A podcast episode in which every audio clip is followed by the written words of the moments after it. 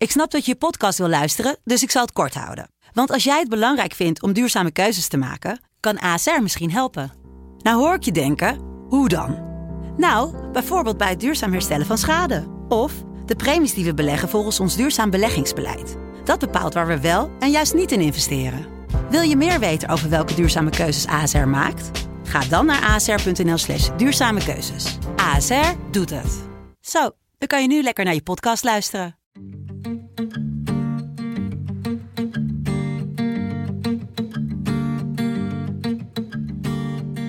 Maar één, één vraag. Waarom ga je als minister zijnde in hemelsnaam nu trouwen? Hij is sociaal niet intelligent, nee. Ja, zou je je door hem laten begeleiden? Hij moet zich maar lekker met zijn eigen zaken bezighouden. Uh, jij in dat corona-filmpje, een beetje hypocriet, vind je niet? Daar ben ik het niet mee eens. Nou, we hebben de story gehad. Daar hebben we niet op gerekend. Fox en Laura die komen even Mario Kart spelen hier zo. Ik denk dat het niet verstandig is.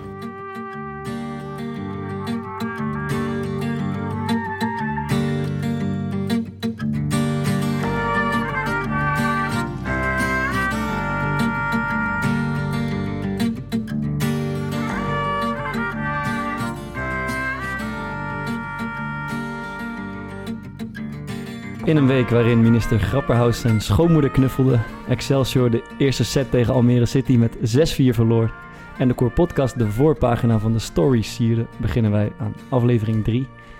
Boys, hoe is het? Ja, met mij gaat het eigenlijk wel goed. Mooi. Met jou? Ja, ook goed. Ook goed. Ik, uh... Je ziet eruit alsof je een potje voetbal hebt verloren. Ja, ik kom, ik kom echt net van de training en uh, ik moet nog even bijkomen, want uh, we hadden een zeker lijkende overwinning met voetvolley toch uit handen gegeven. En dan moet je een drankje inleveren. Jij een weekendje weg geweest? Ja, wij, ja, wij, speelden, wij speelden gisteren tegen, tegen Dortmund, een oefenwedstrijd. Dat was een hele vette, vette wedstrijd. Christus, wat spelen die gasten een tempo, man. Wij, uh, het was dan wel interland weekend, maar ze, ze kwamen met, uh, met Hummels, met Emre Can, met uh, Brandt, Marco, Marco Reus, het comeback. Alle jezus, wat een tempo spelen die gasten. Echt mooi om te zien. Maar we, we hielden goed stand. We, we stonden de eerste helft eigenlijk heel gegroepeerd, gaven bijna niks weg. En uh, ja, de tweede helft, dan uh, beginnen ze toch even een beetje door te schakelen. En, uh, ja, Reus was even niet te houden meer. Nee, man. Nee. Ja, wel gewoon vet om te zien. Die gasten gewoon geen één moment in paniek. Weet je, Alle, elke situatie onder controle. En ze speelden niet eens op 100%, het was 70, 80%. En nogmaals, ze deden het prima, maar het was, het was echt een toffe wedstrijd om, om te spelen. Ja, we zijn wel eens een keer in zo'n interland weekend naar België gereden om tegen Kortrijk te ja. oefenen met Sparta. Ja. We stonden terug weer ook nog drie uur in de file. Ja, ja dat was vreselijk. Dat is het maar hier ga, je, hier ga je graag voor op pad, denk ik. Ja, ik, uh, ik, zat, ik, ik, ik ga aan uh, Van Steen van Sparta vragen om dit eens in de twee maanden zo'n wedstrijd. Dat is toch vet, man. Een Ja, keer is tegen goed. uh, Shakhtar, een keer tegen, weet ik veel, uh, uh, Valencia, bedenk het maar. En nu tegen Dortmund. Dat was leuk. Maar goed, jullie, uh, jullie hadden het uh, aan de stok met Almere. Ja. Leuk gehoord. Jij een weekendje alleen thuis geweest, Fok? Dat is lekker. Ja, mijn vriendin zit in uh, Italië momenteel. Lekker, man. Ken je Ja. dat uh, verhaal van uh, Ah, verdomme. Word ik. er nou toch ingeluisterd? uh, John Terry en uh, Wayne Bridge? Ja, Ken je dat verhaal? Ja, smerig was dat. John Terry die ging even een lampje ophangen Ja. bij, uh, bij zijn team.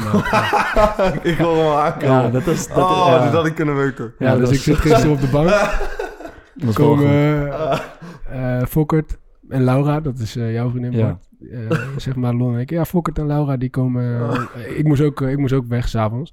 Fokkert en Laura die komen even Mario Kart spelen hier zo. Ja, maar ik, ik ben er echt van geschrokken, man. Ja. Ah, Dus Fokkert, terwijl zijn eigen vriendin weg is, die gaat met onze twee vriendinnen, terwijl wij niet thuis zijn, Ja. Eh, lekker zitten Mario Ja, Kart. dat is toch bizar.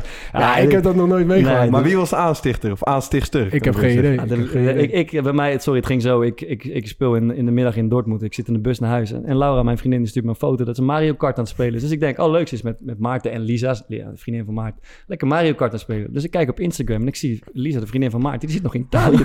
Is ze nou in de eentje, is ze nou in de eentje bij Maarten Mario Kart spelen? En toen, toen, eh, toen belde Thomas mij vijf minuten later, die zegt, nou luister dan, eh, volgens mij, Madelon, die zit ook met Maarten Mario Kart te spelen. Denk ik, ja, Even voor de goede orde. Maar de- Thomas heeft gewoon meegespeeld, hè? Thomas was er ook.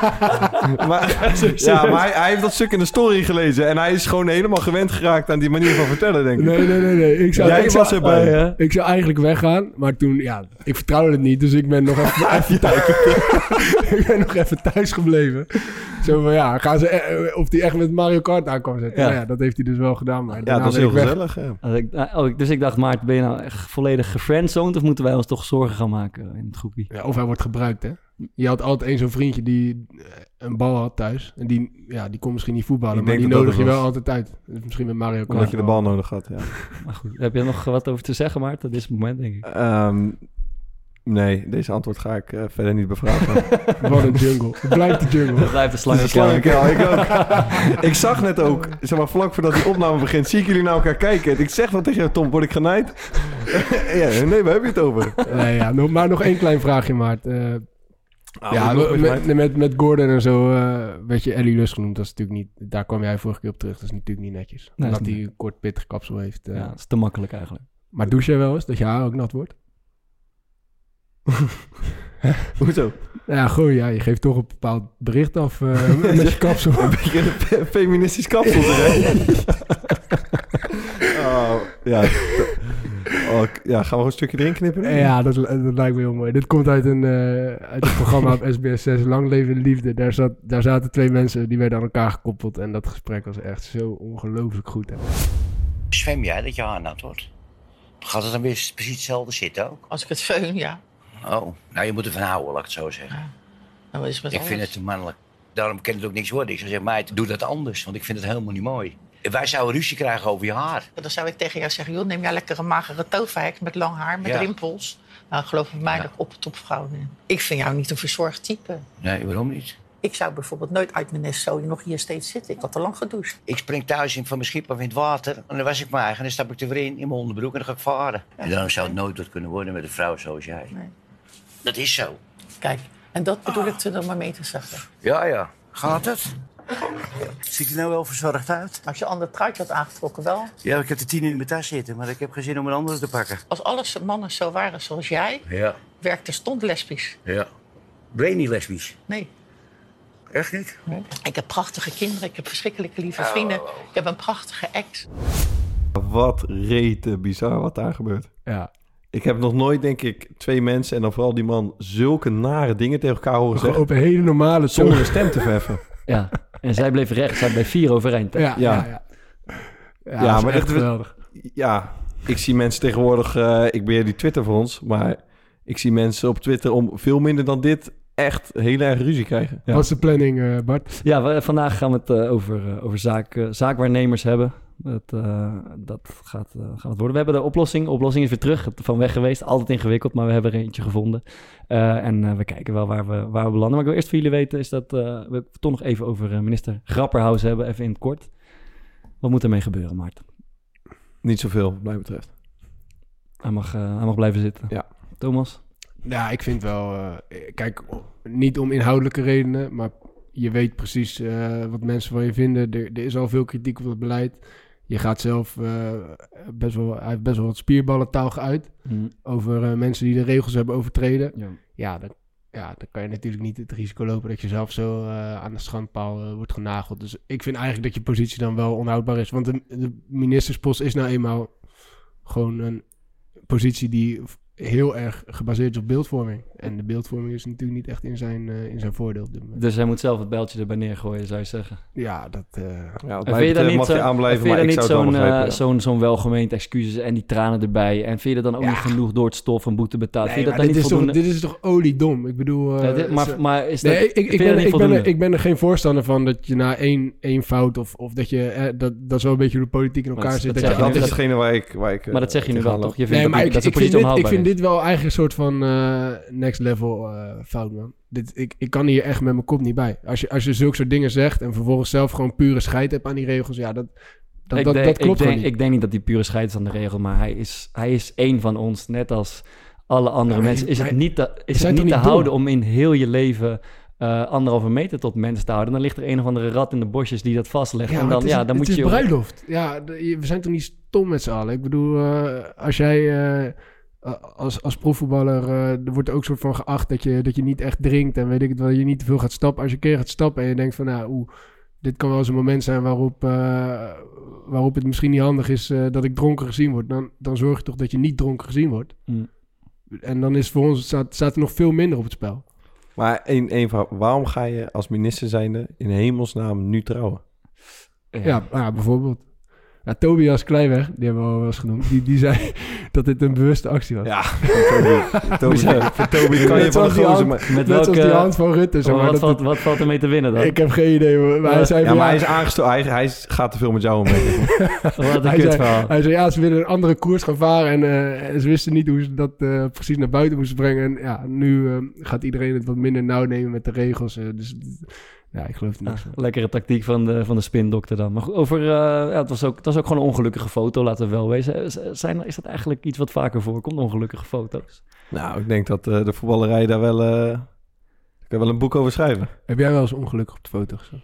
Nee, maar ik had dus wel laatst dat ik een keer googelde op de Core Podcast. Ik was eigenlijk benieuwd wat er dan een beetje eh, naar voren kwam. En als je dat doet, dan komen er van die bewegende plaatjes maar van video's. En dan het eerste wat je ziet is Bart Vriends die zo een biertje achterover tikt. Heb, je, heb je wel eens gehad tijdens het stappen dat je het idee had dat je, dat je gefilmd werd?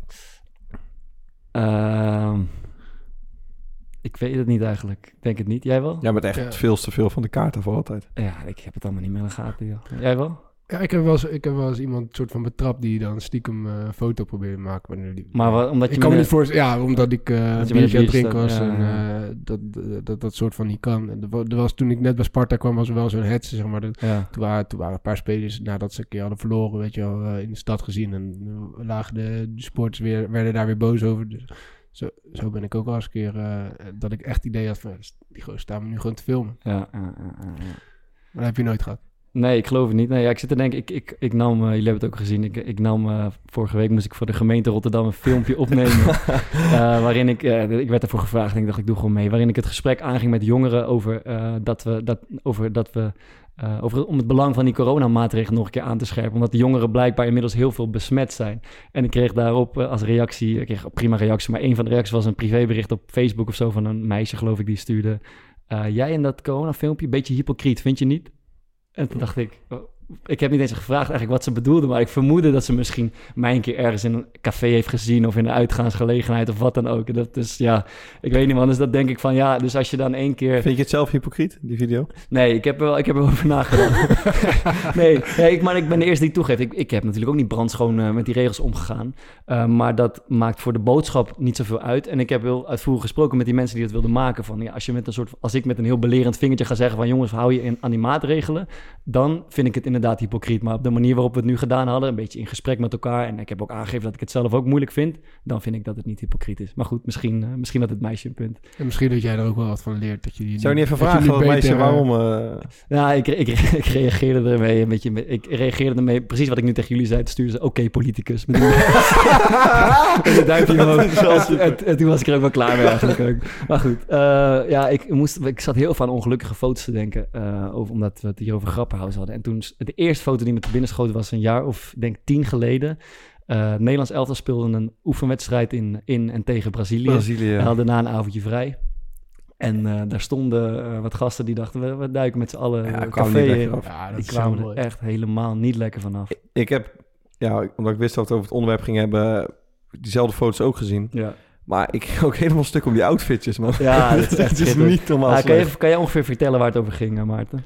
Nou, volgens mij had, uh, was het zo'n interland, zeg maar, in die laatste interlandperiode aan het einde van het seizoen. Ja. Dus iedereen een lang jaartje gehad. Nou, uh, je weet dat is dan klaar, top. Die zit in, in Rio, zaten ze volgens mij. Ja. Die gasten natuurlijk volle bak aan de zuip. Ja. Ergens, maar ja, iemand cameraatje meegenomen. iemand had de camera. Ja, ik zag het, uh, het stond op Dumpert en daar, had, daar stond zo'n heel stuk bij dat in Nederland, dat voetbal is een soort van ongeschreven, dat ongeschreven regels zijn samen met de media. Dat als dan als je als journalist een voetballer op stap ziet en je ziet dat hij aan het zuipen is of wat met een andere vrouw aan het doen is, dat hij dan uh, dat daar niks over gezegd wordt, maar dat ja. ze er in Brazilië blijkbaar anders over dachten. Ja, ja dan zie je uh, Dirk Kuyt komt er niet lekker vanaf. Ja, Pieters nou, komt er ja, helemaal. Dirk Kuyt is die, die, die, die zat te grijpen. Ja, ja, maar weet je, weet je nog wat hij daar, hij heeft daar zelf toen ook op gereageerd. Hè? Hij zei toen dat hij gewoon ongelukkig op de foto was gezet. Op een ongelukkig moment. Hij stond gewoon, uh, hij, zei, hij zei ja, ik, ik, zie haar niet eens. Dus ik stel gewoon, hij, hij beweerde dat hij per ongeluk met zijn hand om, uh, ja, Ja, ja, op. ik heb het ook even. Dirk zit volledig in de sandwich.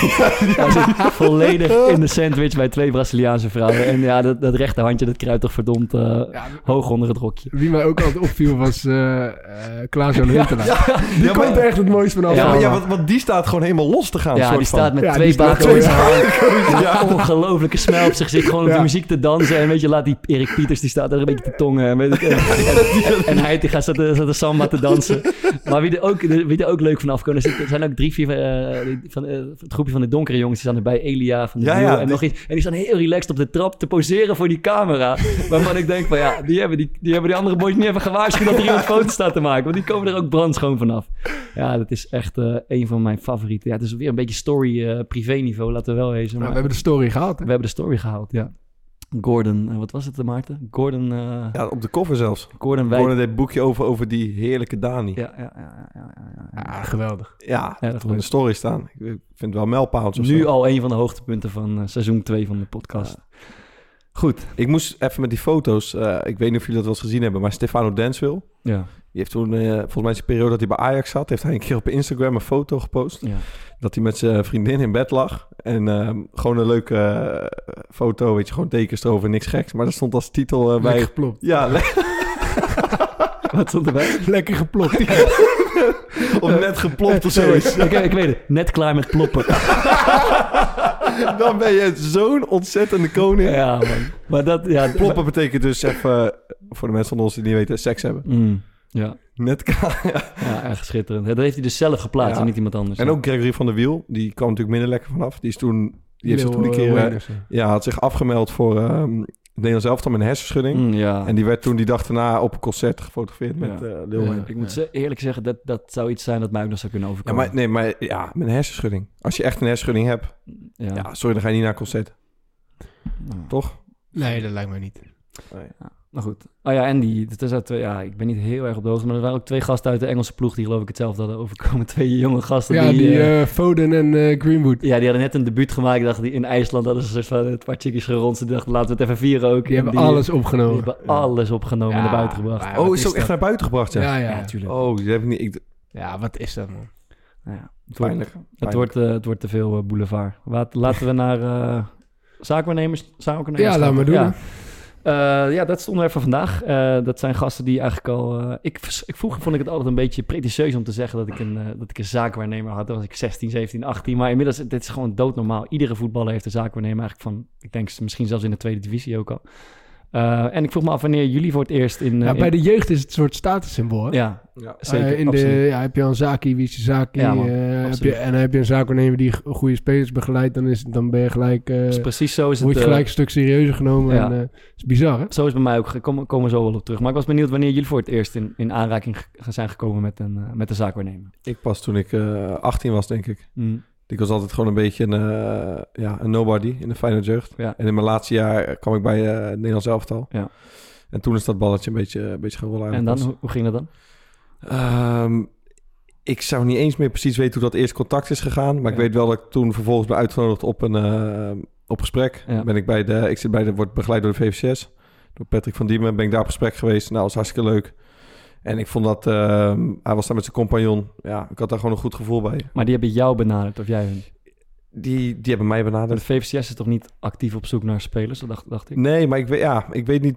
Het zou ook geweest kunnen zijn dat het via keeperstraining toen gegaan is. En Mm. dat die heeft gezegd van hij heeft nog niet. Ik, ik weet niet exact hoe dat, eh, hoe dat gegaan is. Maar Mm. dat was gewoon een heel normaal gesprek. Eh, ja, dat was niet het, eh, het verhaal wat je kent met eh, hier moet je een Playstation hebben Ik zweer je, ik ben letterlijk met een Playstation geronseld. Ik, ik, ik ben letterlijk een van deze generatie. Ik Wat was... is die makkelijk, hè? Nee, eh, nee. PlayStation doet hij alles. ik was, eh, want eh, ik was wel, zeg maar, eh, 14, 15, 16. Eh, eh, ik, ik, inmiddels dat stelt niet zoveel voor, maar ik zat toen wel aan een beetje aan de boven. Ik speelde een beetje rond Nederland zelf, onder 15, onder 16, onder 17. En er was een zo'n eh, best een getalenteerde groep van vooral Ajax-spelers. En daar hingen al zaakwaarnemers omheen. En ik werd geselecteerd en ik ben, en er kwam één zo'n, zo'n eh, in die tijd kwam een aantal van die loopjongens van zaakwaarnemers Ja. naar me toe. En er eentje, eh, ik, ik weet nog precies wie het is, die zei letterlijk, die zei letterlijk tegen mij, we kunnen, hij werkte voor Lerby en Sjaak Ja. Zwart, die hadden een groot kantoor. Ehm, ja, we, kunnen, we kunnen PlayStation voor je regelen. En er werden voetbalschoenen geregeld voor de rest van het jaar. En dat is aantrekkelijk, toch? En bij Søren Larry zat op dat moment Snijder en Van der Vaart... en weet ik allemaal, al die gasten van Ajax. En ja, dat is inderdaad, je zegt het een statussymbool. Maar dat is zo, want Ja. alle grote talenten zaten daar. En dan, eh, dan wil je daarmee pronken. Dus ja, wij op afspraken. Søren die komt in zijn, in zijn grote auto voorrijden. eh, met mijn ouders thuis. En, en, Met eh, PlayStation. Nee, die, ja, die, die PlayStation heb ik nooit gehad. Dat is ook een mooi. Nee, dat- maar, maar wel eh, dat soort grote verhalen. Nou, Waarmee, ben je bij waarmee je, weggegaan, of niet? uiteindelijk ben ik bij hem weggegaan. Maar daarmee word je, word je binnengeloodst. En ik herinner me ook nog een ander verhaal van... Er was in die tijd, kwamen er meerdere zaakwaarnemers eh, rondom onze spelers, zeg maar. Er was ook een gast, een hele onbekende gast. We speelden met de B1, denk ik, tegen Ajax. En die kwam naar de wedstrijd naar me toe en die zei... Ja, gaat goed hè met jou. Ja, je bent ook eh, op de radar gekomen van een, van een Engelse club.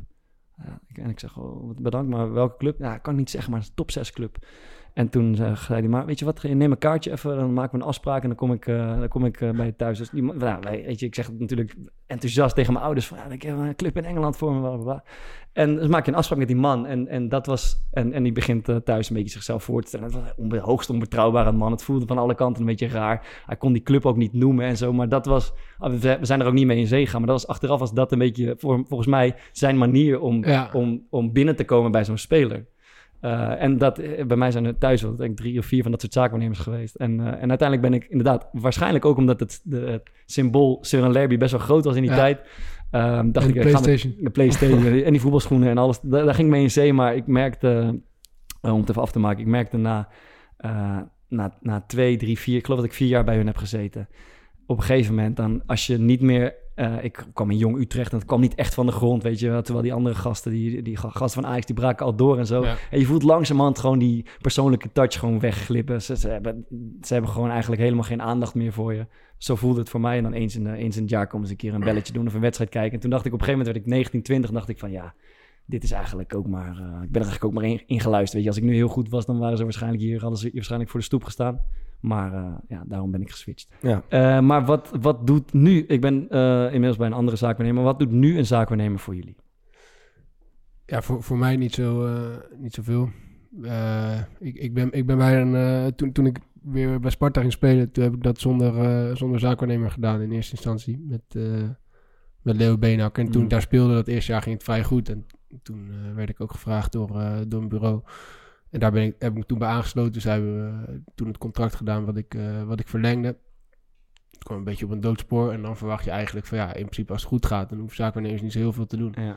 Maar op het moment dat het minder gaat, dan zou het fijn zijn als ze nog even met een mooi clubje aan. Ja. eh, en dat, dat gebeurde niet echt. Dus toen heb ik gezegd van ja, dan, dan ga ik in principe alleen door. En degene die, die mij als contactpersoon bij, bij, bij dat bureau had binnengebracht, die was daar inmiddels weg. Dus die heb ik toen gewoon eigenlijk eh, aan boord gehouden. En, eh, en die heeft mijn contract iedere keer eh, nagekeken en geregeld. En een klein beetje onderhandelingen gedaan. Maar, Maar dus mij omdat zij, is heel makkelijk. omdat ze geen club voor je wisten te vinden, dacht jij, ik, ik, ik blijk hier niet zoveel aan te hebben, dus ik kap ja, ja, dan vraag, ik, dan, dan vraag ik me inderdaad af van ja, kijk, zij krijgen een percentage van mijn salaris. En Ja. ja, ja vind ik het dan wel terecht dat zij dat, dat, zij dat krijgen. Eh, en nu? nu Eh, ja, nu, nu heeft hij dat, eh, dus degene die mijn laatste contract heeft gedaan, die krijgt dan nog percentage over mijn salaris. en daarna houdt het op. Ja, ja dat, ik, ik verwacht wel dat het, ja, dat het ophoudt. Of, ja, of er moet weer iets nieuws komen. moet weer een eh, situatie komen aan het eind van het seizoen dat ik, eh, eh, dat ik weer in onderhandeling ga. Maar ik kan me voorstellen dat ik dat gewoon alleen ga doen. Want er komt een moment dat je gewoon een, een zaak, tenminste voor, zo voelt het voor mij, dat je toch een zaakwaarnemer nodig gaat hebben aan het eind van je contract. Ja, dat, niet was, zo goed dat was dus toen. En, en toen kreeg ik niet wat ik, wat ik van ze verwachtte. Ja. Dus ja, heb ik nog wel wat gesprek gehad met eh, andere zaakwaarnemers. En dan zat ik gewoon te denken van ja, degene die met de beste deal komt, die, eh, die gaat het doen. Alleen Ja. toen kwam Ajax Cape Town om de, om de deur kijken en eh, dat had ik eigenlijk een beetje zelf geregeld. Ja. Dus ja, dan, ja dat was Ja, ik vind het qua contracten vaak wel handig. Dat er best wel wat, eh, Ja. hoe zeg je dat? Wat maas in de wet zitten. Ja.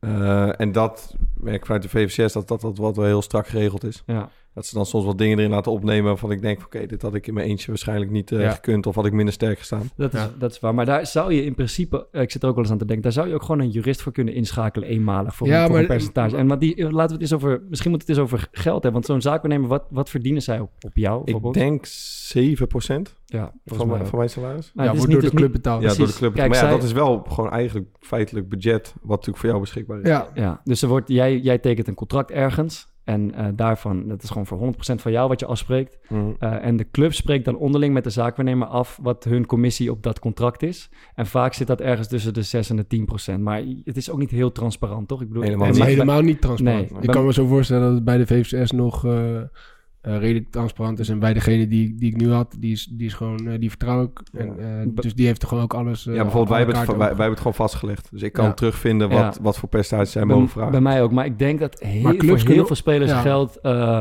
eh, zeker bij grotere spelers, bij grotere transfers... waar veel geld mee gemoeid is... dat ze eigenlijk geen idee hebben... wat er aan die strijkstok van die zaakwaarnemer blijft hangen. Nee, maar wij toch uit- uiteindelijk ook niet. Want eh, uiteindelijk krijgen zij een percentage over ons salaris. En, en dat is wat wij misschien nog ergens terug kunnen zien. Ja. Maar clubs en zaakwaarnemers kunnen gewoon afspraken maken met elkaar. Ja, Die zijn natuurlijk niet daaraan gebonden. Dus, die, dus, dus wat er denk ik regelmatig gebeurt is dat, eh, dat, dat club zegt eh, tegen de zaakwaarnemer van ja, als jij zorgt dat eh, Pietje hier komt spelen, ja, dan hebben wij nog even een extra bonus voor je liggen. Los, Ja. van, de, ja, los van het percentage wat je, wat je krijgt. Ik denk dat het heel vaak gebeurt. En ik denk dat zelfs technische directeuren eh, op die manier... eh, eh, dus, dus dat ze zeggen van ja, we krijgen dit van de club. En dan zegt technisch directeur en zaakwaarnemer zeggen van ja, dan verdelen wij dat als we, dat, als we die deal samen. Ja, dat ja. gebeurt gewoon vaak. Ja. Ik sprak de hoofdopleiding van Excelsior...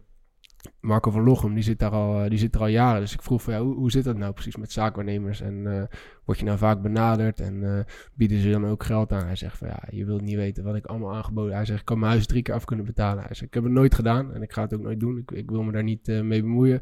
Spelers worden altijd benaderd. Ik zeg altijd tegen ze van ja, als je je eerste contract bij Excelsior tekent, kan je dat gewoon prima zelf doen. Dat is Mhm. helemaal niet zo ingewikkeld. nee. Eh, het wordt, het wordt, als je een keer een deal gaat maken, wordt het misschien interessant. Maar op dit moment heb je zaakwaarnemers helemaal niet nodig. Hij zegt, ik kan je in contact brengen met Adidas, met Nike. Dan kunnen ze misschien schoenen regelen als je, als je jeugd international Ja. bent. Eh, dus echt, volgens mij is het echt een wereld eh, waarin zoveel geld in omgaat. En dat geld wordt eigenlijk verdiend over de rug van, van voetballers. Ja, ja. Dus ja. Maar de, wanneer, wanneer ik blij ben dat ik een zaakwaarnemer heb, is op het moment dat ik, eh, dat ik zonder club zit. En dan, dat is eigenlijk, vind ik, het grootste voordeel. Dat je niet hoeft te hengelen op, op eigen houtje naar allerlei clubs. Van, van wie je denkt van, oh, dat is misschien mijn niveau. Of daar Ja, ken we hadden het hier vorige week over, toch? Ja. Dat het ook... eh, het, is gewoon nu eenmaal zo dat als jij zelf als speler allerlei clubs gaat afbellen... Ja, Dat, dat werkt gewoon afstotend, denk ik. staat gewoon 1-0 achter. Er staat 5-0 Ja. achter, denk ik. Als je, er- als je ergens zelf aanklopt van, goh, ik ben nog vrij, eh, denk eens aan mij. Dan, dan, dan, dan terwijl- is er sowieso ja, iets en, mis en terwijl je. bijvoorbeeld je, ja, eh, je zaakwaarnemer heeft natuurlijk meer spelers... en die gaat bij, eh, weet ik veel, bijvoorbeeld bij eh, FC Utrecht langs... Ja, Ehm, en die praten daar over een bepaalde middenvelder. En dan zeggen ze van, hey, heb je verder nog wat nodig? Ja, we zijn een beetje aan het kijken voor achterin. Oh ja, weet je, we hebben Bart Vriends, die loopt volgend jaar af. ja, Ja, zo gaat, schuiven we dan toch een beetje erin. ja. ja, qua netwerk is het misschien wel handig. Maar dan is het misschien ook dat je denkt van ja, waarom eh, heb ik, ben ik exclusief voor één zaakwaarnemer? Want misschien is er wel iemand Eens. met een ander netwerk Ja. die toevallig eh, op zoek is naar een Bart Vriends. En dan heb je een contract getekend waar je, waar, je niet onderuit kan. Nou ja, dat, ik, ik- we hebben het ook wel eens gehad over die, D- die eh, DM's en LinkedIn-berichten van Ja. vreemde zaakwaarnemers uit allerlei landen. Ja. En ik eh, krijg ze ook nog steeds af en toe. En het is altijd onbetrouwbaar, maar als het een keer zover komt, dan moeten ze een soort dan Mandaat. Een, een mandaat aanvragen bij je huidige zaakwaarnemer. En die moeten dan met elkaar een soort overeenstemming vinden van, hey, mag hij die zaken voor je doen? Of, dus in principe kan het wel. ze, ja. Maar dan verdelen ze de, de Ja. inkomsten, ja. Maar goed, er wordt, eh, er wordt goed in verdiend. Want ik las me even in en ik, hoorde, ik las dat Jorge Mendes, de zaakwaarnemer van onder andere Ronaldo... die kreeg een eiland cadeau van Cristiano Ronaldo. En dat kwam bovenop de ruim 1 miljard aan contractopbrengsten die hij al had verdiend. En wij kennen natuurlijk Mino Raiola, die de grootste spelers in zijn stal heeft. Dus dat is, Ja. eh, het En kan daar, een daar heb ik nog wel een grappig verhaal over. Wat is er- wat in onze tijd eh, bij, bij Sparta kwam Matthias Pogba bij Sparta. Ja, En eh, een vriend van mij, die kende zijn, eh, die kende zijn neef van Matthias Pogba. En eh, die had me al een keer in het seizoen daarvoor had hij een keer gevraagd: hey, heb je voor mij het nummer van Alex eh, Pastoor? Want Ja. dan, ik, ik heb een speler die misschien interessant is voor jullie. Dat was Ja. dus Matthias. En, en, en die neef van Matthias die deed dan ook zijn zaken.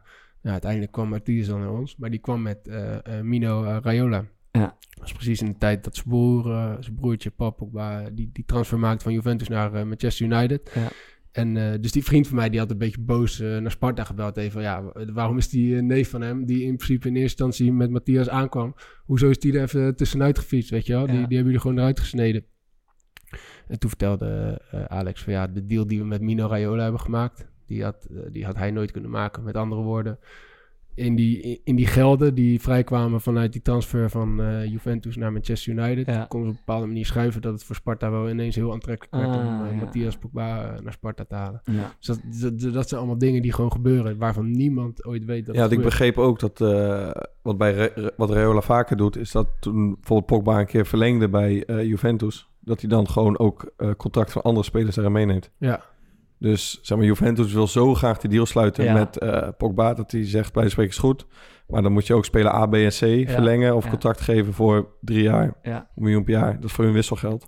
En dat is voor ja, sommige jongens natuurlijk gewoon de kans Maar van het leven. die, die Raiola krijgt het in die zin ook voor elkaar om eh je, raadselachtige transfers eh, er doorheen te drukken. Ja. Want ik weet ook dat in zijn kielzo ging bijvoorbeeld, hoe heet die, Sporksleden geloof ik, zat ook bij hem. En die kwam opeens bij Chievo Verona uit in de Serie A. Het is, het is geen slechte speler, maar voor, het was, ging, ging geloof ik van de Jupiler League naar de Serie A. Ja. En zo was er nog een jongen die opeens bij Lazio belandde, die ook in zijn stal zat. Dat en van Anderson, denk ik? ja, dat denk ik, ja. En dat zijn toch wel van. Daar, daar moet haast wel een soort eh achterkamertjespel in, Ja, eh, in en hij is daar denk ik echt de koning in. Dat waarschijnlijk Ik wel, heb ooit een keer een verhaal gehoord van hem, maar ik, ik weet alleen niet meer welke speler het was. Dat die keer bij een jeugdspeler thuis kwam. Eh, ik denk een speler van Ajax of PSV of Feyenoord. Ja. zoiets. Wel een, eh, een beloftevolle eh, jeugdspeler.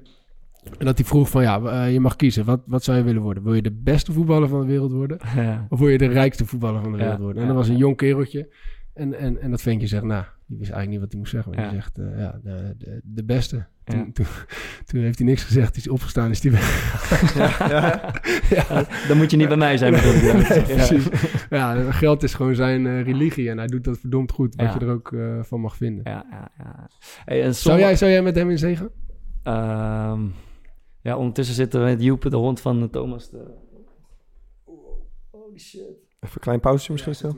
Ja, het gaat niet goed. Die kan we gewoon even uitdrukken.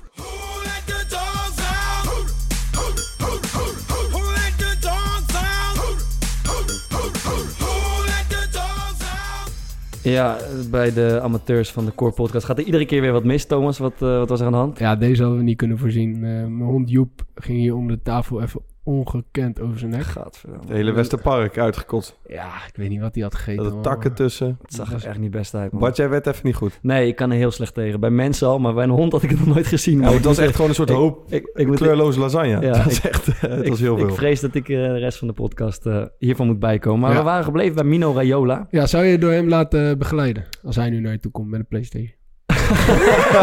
als, je, als je van hem wel krijgt. Eh, ja, ik denk het eigenlijk wel, ja. Waarom niet? Als, ik eh, bedoel, ja, hij Hij kan jou die droomclub in het buitenland Ja, geven man. waarschijnlijk. Als, je, als hij, hij, is- als hij eh, garant, iedere keer garant blijkt te staan voor eh, ja, droomtransfers. En hij krijgt het voor elkaar. En hij is sowieso in Italië is die goed ingevoerd blijkt. En dat, is, dat zou ik natuurlijk schitterend vinden.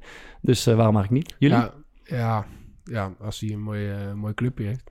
Ja, voor mij is het momenteel eh, vrij uitzichtloos qua eh, echt mooie avonturen. Dus ik denk dat hij daar wel een beetje swing in zou kunnen brengen. Mino Raiola kan je wel gebruiken. ik. Of hoe heet ze? Cambridge eh, Analytics. Ja. Hey, die, eh, er wordt er vaak gesproken over een jungle die, die wordt geschetst rondom zaakwaarnemers. Wat, wat bedoelen ze daarmee? Ja, ik denk ook dat vooral zaakwaarnemers dat zelf heel erg, eh, heel erg zo ervaren. En volgens mij, ehm, hoe ik het heb begrepen, is een, een eh, goede vriend van mij is zaakwaarnemer. Die heb ik hier even over gebeld. En die stelde dat dat vooral heel erg is dat je gewoon een grote groep zaakwaarnemers nu hebt. Ja. eh, die spelers echt puur als product zien. Ja. Dus er wordt alleen maar gekeken naar hoe kan ik zo snel mogelijk aan Zoveel die, mogelijk geld. ja, zo snel mogelijk zoveel mogelijk geld verdienen. Eh, terwijl je natuurlijk eigenlijk hoopt eh, dat jou, wat jouw zaakwaarnemer met jou wil doen, is dat je gaat begeleiden en dat het gewoon echt een lange termijn project is. Maar dat is ook wat ze in principe allemaal voorstellen. Van Ja. ja, we hebben een loopbaan traject en we gaan kijken naar, naar, naar wat- je precies wil en wat je naast het voetbal wil doen. En, Maar hij schetst bijvoorbeeld het verhaal dat, eh, dat dan bij AZ ehm, een, eh, van een bepaald kantoor twee zaakwaarnemers zeg maar, op de tribune zaten en dat ze een wedstrijd van de jeugd aan het kijken waren. Dat een van die twee dan tegen de ander zei van, ah, weet je, zo aardig spelen en ik zie er wel potentie in en misschien als we die goed begeleiden, eh, dan kan het wat worden. En toen zei die andere goos direct, gaan we nooit een stuiver aan verdienen. Ja. Weet je, dat is een beetje de Mhm. tendens die hij, die hij schetste. En ehm, ik heb ook begrepen dat eh, bijvoorbeeld bij sommige grote kantoren, eh, Bart noemde net al de loopjongens, dus je Mhm. hebt er gewoon een paar hele grote vissen, ja, ja. die natuurlijk gewoon, eh, ja, die doen de grote transfers eh voor Persie, Stuntelaars, noem maar op. Maar je hebt ook de jonge jongens die moeten zeg maar de talentjes gaan opzoeken. Ja. Maar die worden niet altijd betaald op contractuele basis. Ja. Dus die hebben niet een vast salaris, maar die worden betaald per, aan de hand van commissies. Ja. Dus Per- die moeten per gewoon... speler die per ze speler, ja. Dus die moeten gewoon zoveel mogelijk spelers ronselen. Maar ja, het is natuurlijk een hartstikke eh, drukke markt. Dus dat is helemaal niet zo makkelijk. Waardoor je zelfs dan onderling bij sommige kantoren gewoon krijgt dat gasten elkaar... eh, ja, is hij weer de slangenkel. dat mensen er gewoon alles aan doen om zo snel mogelijk, zeg maar, een jongen binnen te halen. Ja. Of, er, of ergens een contract laten tekenen. Terwijl Ja. het in sommige gevallen ook veel beter is om een jongen gewoon bij een Sparta of een Excelsior te laten. Ja. En hem te laten rijpen. In plaats van hem gelijk eh, naar een Engelse topclub te doen. Ja. Of in Nederland een stap te laten maken. Ja, ze zijn ook een beetje slachtoffer van hun eigen model natuurlijk. Want ze verdienen in principe alleen als er echt een deal gemaakt wordt. En Ja. dat zijn meestal transfers. Maar ja, eh, ze, ze hebben ook allemaal hun eigen, hun eigen netwerk. Dus het zou zomaar kunnen zijn dat, dat, dat, dat jij dadelijk eh, aan het eind van dit seizoen... eh, dat er een club is die jou wil, maar dat jouw zaakwaarnemer toevallig niet die contact heeft. Dus dan komt er een andere zaakwaarnemer, die komt naar je toe. Hey, ja. ik kan een deal voor je maken. Maar ja, eh, dan moet je niet bij je eigen zaakwaarnemer. Ja, dan Ja. ga je ook nadenken van ja, wat is mijn eh, eh, loyaliteit naar mijn zaakwaarnemer eigenlijk waard? Want ja, wat, wat heeft hij voor me gedaan? Hij heeft aan me verdiend, hij heeft mijn contract geregeld. Maar ja, als ik nu een andere deal kan maken en, en eh, dat kan niet met hem, maar wel zonder hem. Ja, Ja. dat is toch wel eh, waar. En heel veel spelers die, die zijn dan niet loyaal aan hun eigen zaakwaarnemer. En dat is ook logisch, om, wat Maarten net zei, omdat ze gewoon als product gezien worden. Ja. Eh, en dan gaan ze vervolgens wel allemaal zelf, roepen ze wel allemaal zelf dat het een jungle is. En terwijl eigenlijk ze gewoon zelf de schuldigen zijn. Ja, dat is het hele ding. Ik denk ook dat die loyaliteit, dat kan eh, alleen komen als je dus echt superveel tijd gewoon in een jongen investeert. Ja. Al vanaf, eh, stel je begeleidt hem vanaf zoals jou, bij jou Bart, 15 of 16e. Ja. Ehm, en dat je ook altijd eh, de aandacht zeg maar hetzelfde houdt. Ja. Niet, natuurlijk, de ene keer heb je iemand wat meer nodig dan eh, op het andere moment. Ja. Maar waarschijnlijk had op het moment dat jij bij Jong Utrecht zat, had je je zaakwaarnemer veel meer nodig dan op het moment dat je in Utrecht 1 het mannetje was. Zeker, ja. En daar, en daar is waar ze precies afhaakt ongeveer. eh. Het ding is daar eh, een mooi voorbeeld van, toch? eh, onze zaakwaargever. Ja, De, de, de, de zaakwaarnemer van eh, Ragnar uh, Agge, Ja. Godwin eh Felix, die had laatst in een eh, interview in de krant gezegd dat hij zichzelf niet echt een zaakwaarnemer vond, maar meer een zaakwaargever, omdat hij meer gaf dan dat hij, eh, dan dat hij nam. Ja. Eh, ja, je kan eh, je vraagtekens stellen bij de manier waarop hij zichzelf presenteert. Het is erg Amerikaans en, eh, en hij is erg hij is echt een showman. Ja, het is echt een showman. Ja. Maar ik weet wel toevallig dat, dat de Ragnar daar heel veel aan heeft gehad. Ja. Die heeft heel veel steun aan hem gehad. Die, die werkt keihard als hij niet bij Sparta op het veld staat met hem. Aan zijn, Ja. aan zijn fysiek, Ja. aan zijn, aan zijn techniek, ja. aan afwerken, weet ik het. En die gaan gewoon echt met elkaar het veld op. Dus Ja. dat vind ik wel interessant. Zo- Zo'n man die, die, die staat echt voor, eh, in Ja. dit geval, eh, eh, Ragnar. En er zijn heel veel bureaus die dat pretenderen te doen. En Ja. uiteindelijk eigenlijk Dus alleen ik maar kan me heel goed voorstellen dat als eh Ragnar ooit op zo'n kruispunt komt, waar we het net over hebben, eh, oké, ik kan een deal maken of ik kan naar een ander zaakwaarnemersbureau voor dit en dat, Ja. dat hij dan wel loyaal is aan Godwin. Ja, 100%. Gewoon om die tijd, want die Ja. heeft dus ook die tijd in hem geïnvesteerd toen hij nog niet eh, Ja. als soort van een ster was. Of hij is nu bij Frankfurt. Nee, hij was volgens mij een van zijn eerste spelers. Ja, Dus, precies. Hij, eh, het gaat, ik denk dat wij nog uit een tijd komen dat het min of meer overzichtelijk was. Maar sinds 2015 mag iedereen zich spelersmakelaar noemen. En ik denk dat de zwerm van, van goudzoekers rondom jeugdspelers nu niet meer voor te stellen is. Ja. Ik, ik las ook ergens dat in, eh, in België zijn er meer eh gelicenseerde zaakwaarnemers dan dat er voetballers zijn op het hoogste Ja. niveau. Dus dat is echt eh, ongelooflijk. Maar ehm, Ja, je kan dit toch, denk ik, redelijk makkelijk oplossen. Door gewoon een eh, maximum percentage te stellen wat een zaakwaarnemer mag verdienen op een deal. Ja. En ook een maximum bedrag. ja, Dus je kan bijvoorbeeld sowieso aan een transfer niet meer dan een ton verdienen. En er zit dus ook gewoon nog een, eh, hoe zeg je dat? Eh, het percentage neem je ook nog mee dat als het een... Maar dat is toch niet fair, want het blijft toch gewoon een vrije markt. Ik bedoel, eh, het gaat toch niet om de bedragen die ze verdienen. Het gaat toch veel meer om de transparantie. Ja, weet ik niet. Want, want stel, kijk, stel je maakt een deal en, en jouw zaakwaarnemer verdient veel meer aan jou dan dat jij denkt dat hij waard is. Ja, dan, dan zou je wel teken nadenken voordat je weer met hem in zee gaat. Maar ik vind wel dat clubs en zaakwaarnemers gewoon vrij moeten zijn om afspraken met elkaar te maken. Maar er moet gewoon transparantie zijn. Ja, maar blijkbaar op de manier waarop het nu gaat... eh, is het zo aantrekkelijk om soort van snel geld te verdienen... en spelers als een product te zien. Ja. Waardoor je dus ook, zoals Bart met die cijfers die net noemt... het heel erg aantrekt dat Jan Alleman maar gewoon zaakwaarnemer wordt. En waardoor er veel minder ruimte is... en spelers overblijven voor jongens... eh, zoals bijvoorbeeld Godwin die je net noemt... of die er echt passie voor hebben. Ja. En ik denk als je het een iets minder gewoon eh, financieel gericht maakt... eh, dan wordt de drempel om het te gaan doen wordt wat hoger. Dus Ja. dan denk ik dat je meer mensen gewoon echt met passie overhoudt. Is het ook überhaupt niet raar dat de club in principe indirect je zaakwaarnemer betaalt en dat je dat niet gewoon zelf doet? Ja, dat willen ze volgens mij ook veranderen. Dat is toch eigenlijk veel logischer en, en overzichtelijk. Dan zie je zelf in je contract, hey, dit percentage eh, schuif ik naar mijn zaakwaarnemer, want dit en dit heeft hij voor me gedaan. Dan is het En wel dan- transparant En, dan, Ja. is, Ja. dan weet je gewoon van, dit is, dit is, krijg ik waar voor mijn geld of niet? Ben ik hiermee eens? Wil ik hiermee eh, doorgaan of niet? En nu blijft het zo echt zo Ja, in nu- de achterkamertjes nu, nu betaal je volgens mij de helft van eh, eh, de, de, de belasting die eh erover wordt gerekend, Mhm. over die fee. Die is nu voor de speler. Dus dan zie je indirect wel eh, duidelijk wat je eh, eh, Ja. verdient. Dus het is al iets transparanter. Maar ik vind dat clubs gewoon eh, eigenlijk inzage moeten geven in wat zij, Ja. eh, wat zij naar zaakwaarnemers Eens. overmaken. Ja, er Maar gebeuren schimmige dingen, maar dat is, eh, dat is duidelijk, toch? Maar nog wel één mooie toen in de... eh, wat het net over dat het een soort van status is toch in de jeugd van... Ja. Ja. hey, ja, broer, hij zit bij Mino. eh, Ja. Rob Jans heeft hem benaderd. En bij ons in de A1 ehm, ja, kwam het dus ook allemaal een beetje op gang. En eh, toen, toen kwam één gozer ineens... eh, ik dacht dat hij geintje maakte, maar dat was echt... Die had ineens Peter R. de Vries.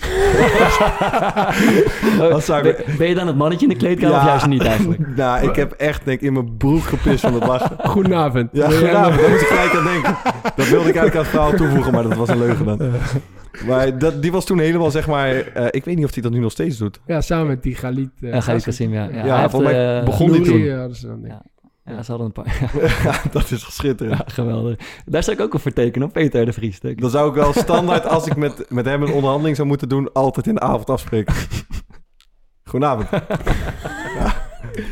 Goed, ik denk eh, dat we naar de, de oplossing eh, moeten. Eh, die is weer, weer terug van weg geweest en hij is in lijn met het thema. De vraag is, hoe kan het imago van, van zaakwaarnemers worden verbeterd? En ehm, zou ik aftrappen, want eigenlijk heeft Thomas volledig het gras voor mijn voeten weggemaaid Oh. eh, zojuist. Want ik moest denken inderdaad aan, eh, aan de, de zaakwaargever die, eh die Ragnar Ache heeft. En wij hebben eerlijk eerlijk, we hebben smadelijk gelachen om dat filmpje van die man... waarin hij zich een beetje in Regilio-tuurachtige wartaal uitte van eh, the hardest worker in the business en weet je wel, dat soort dingen. Ja, fantastisch. maar eigenlijk, ja. we hebben er echt om gelachen. Maar eigenlijk als ik erover nadenk, ik vind het helemaal niet zo gek. Die jongen heeft letterlijk ge- echt tijd en, Ja, en ja. energie Ja, maar geïnvesteerd. daar bestaat ook geen twijfel Nee, dat weet ik. Maar dat, dus, dus ik, de vraag is, hoe kan het imago van een zaakwaarnemer verbeterd worden? Ik denk bijvoorbeeld door... eh, nou ja, dat is een beetje luiheid troef voor mijn gevoel. eh, nu, hoe het nu is. Een contractje tekenen, twee jaar achteroverleunen, commissie opstrijken en wachten op het volgende contractje. En een zaakwaarnemer kan natuurlijk veel meer betekenen voor een speler. En ik heb aan Ragnar gezien, we hadden het er net over. Die jongen heeft echt, echt ontwikkeld. En die is in zijn passing, in zijn afwerking, in zijn lichaam gewoon veel sterker geworden in de tijd dat hij privé trainde met die zaakwaarnemer. En je kan ook denken aan tactische scholing of, eh, of, of dingen waar je op de club gewoon niet aan toekomt. Weet je, videobeelden of, waar, eh, eh, of, of mentale begeleiding of wat dan ook. Daar kan je zaakwaarnemer echt best wel veel in betekenen volgens mij. En dan meer dan contractje regelen, achteroverleunen, af en toe eens op je schouder slaan, een goedje doet of, of, of hey, kom op, eh, kop omhoog. En ik denk als je dus merkt van, hey, deze, deze gast die, die is er echt voor mijn ontwikkeling en hij steekt de tijd en energie in. Eh, dan zullen spelers daar ook veel eh, positiever over spreken. En, en, en gaat het imago, denk ik, ver- eh, verbeterd worden. Dus die zaakwaargever, die, wat is zijn naam? Godwin? Eh, Godwin Godwin Felix. dat is eigenlijk misschien eh, wat de nieuwe generatie zaakwaarnemers moet, in het hoofd moet houden. Ja, ik vind het mooi. Ja. Maarten. Ja, kijk, stel je wilt trainer worden. Ja. Dan heb je, je opent Netflix, heb je bijvoorbeeld een film van Guardiola. Van, eh, je hebt andere voetbalfilms waar je gewoon naar kan kijken. En dan heb je, je hebt gewoon veel rolmodellen. Ja. Zelfs als je jonge voetballer bent, je kan documentaires kijken, je kan oude wedstrijden kijken. Je, weet je, je wordt geprikkeld, maar je wil zaakwaarnemer worden. Ja.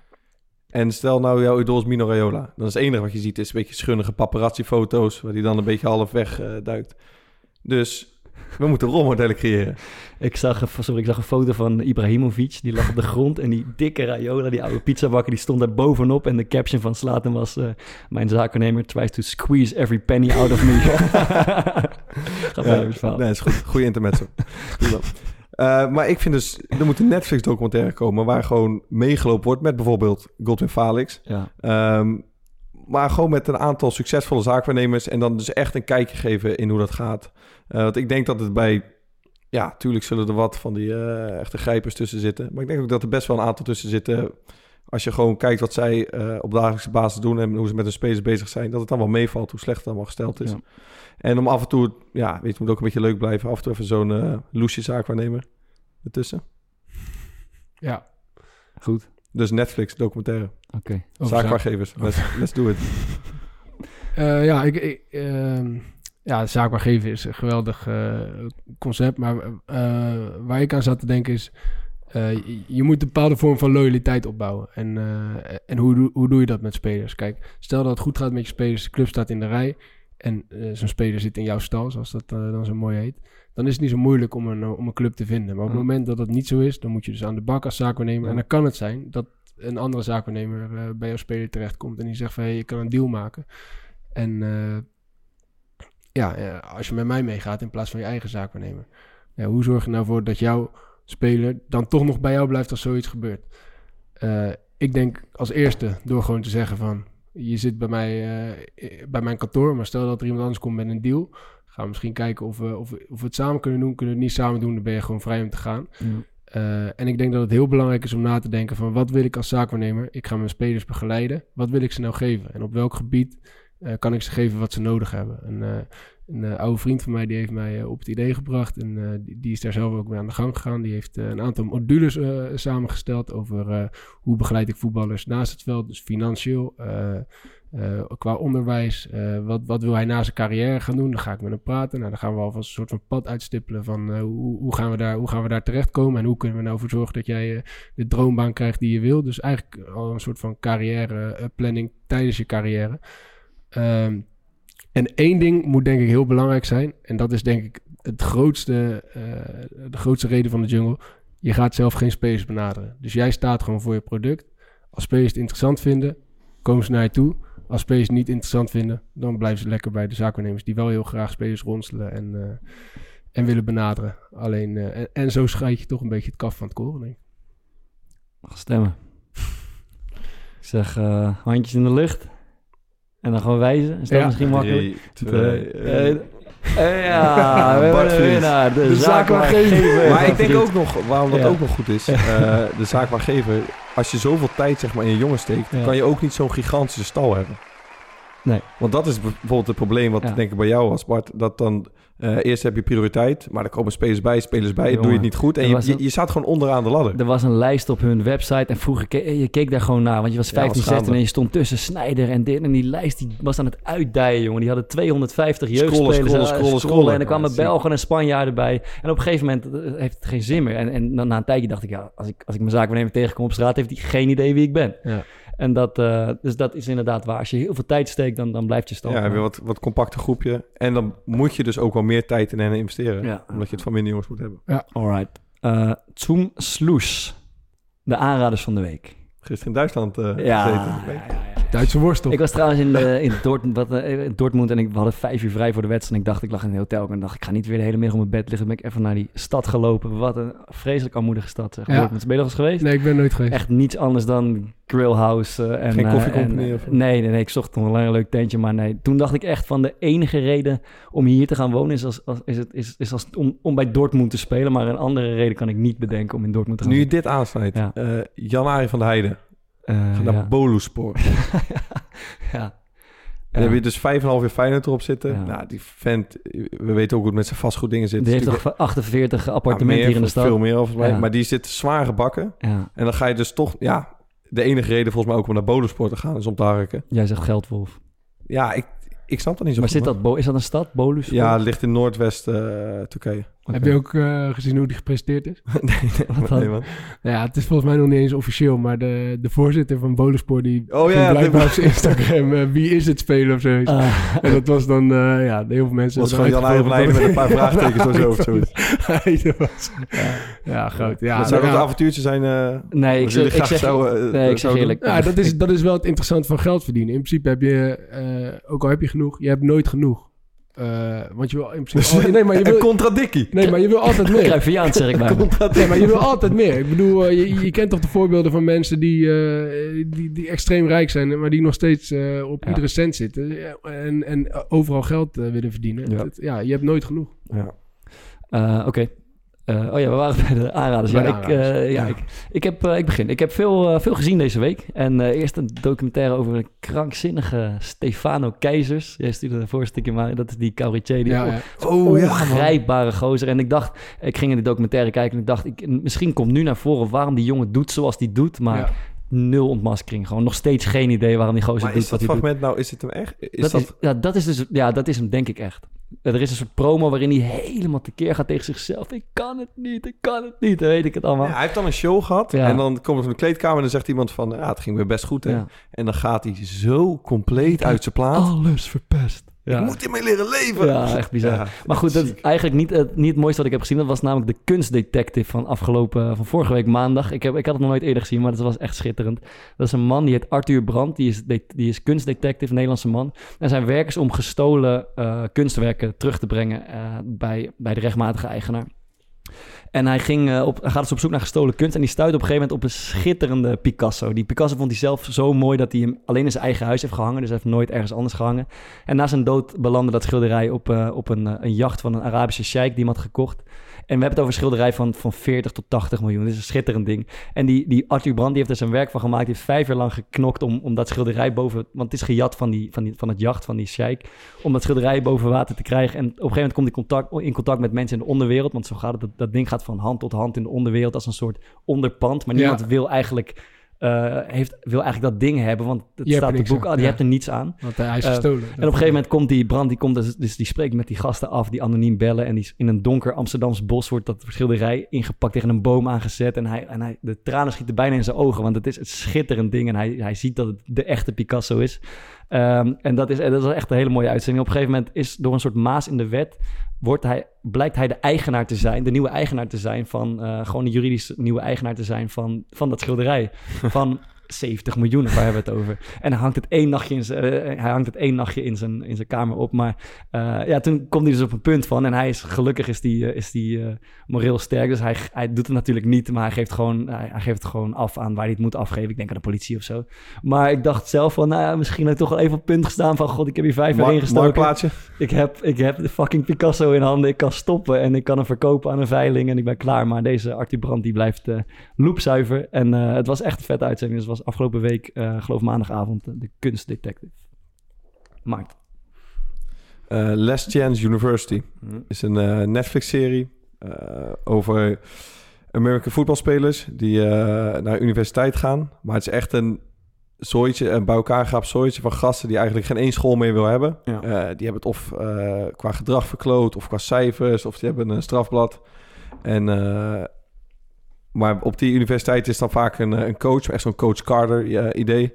Ehm, die dan toch nog in die gasten gelooft en die dat dan iedere keer weer samensmeet. En die spelen dan op het allerhoogste niveau mee.